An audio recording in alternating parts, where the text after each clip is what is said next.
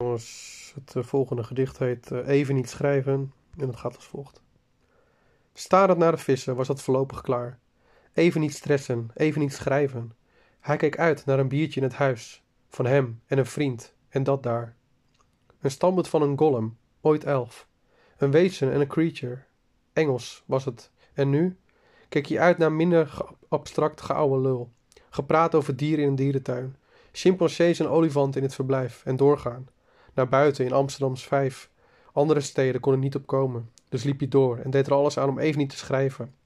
En wilde gewoon leven en hier blijven. En voelen en woelen tussen zijn eigen haren.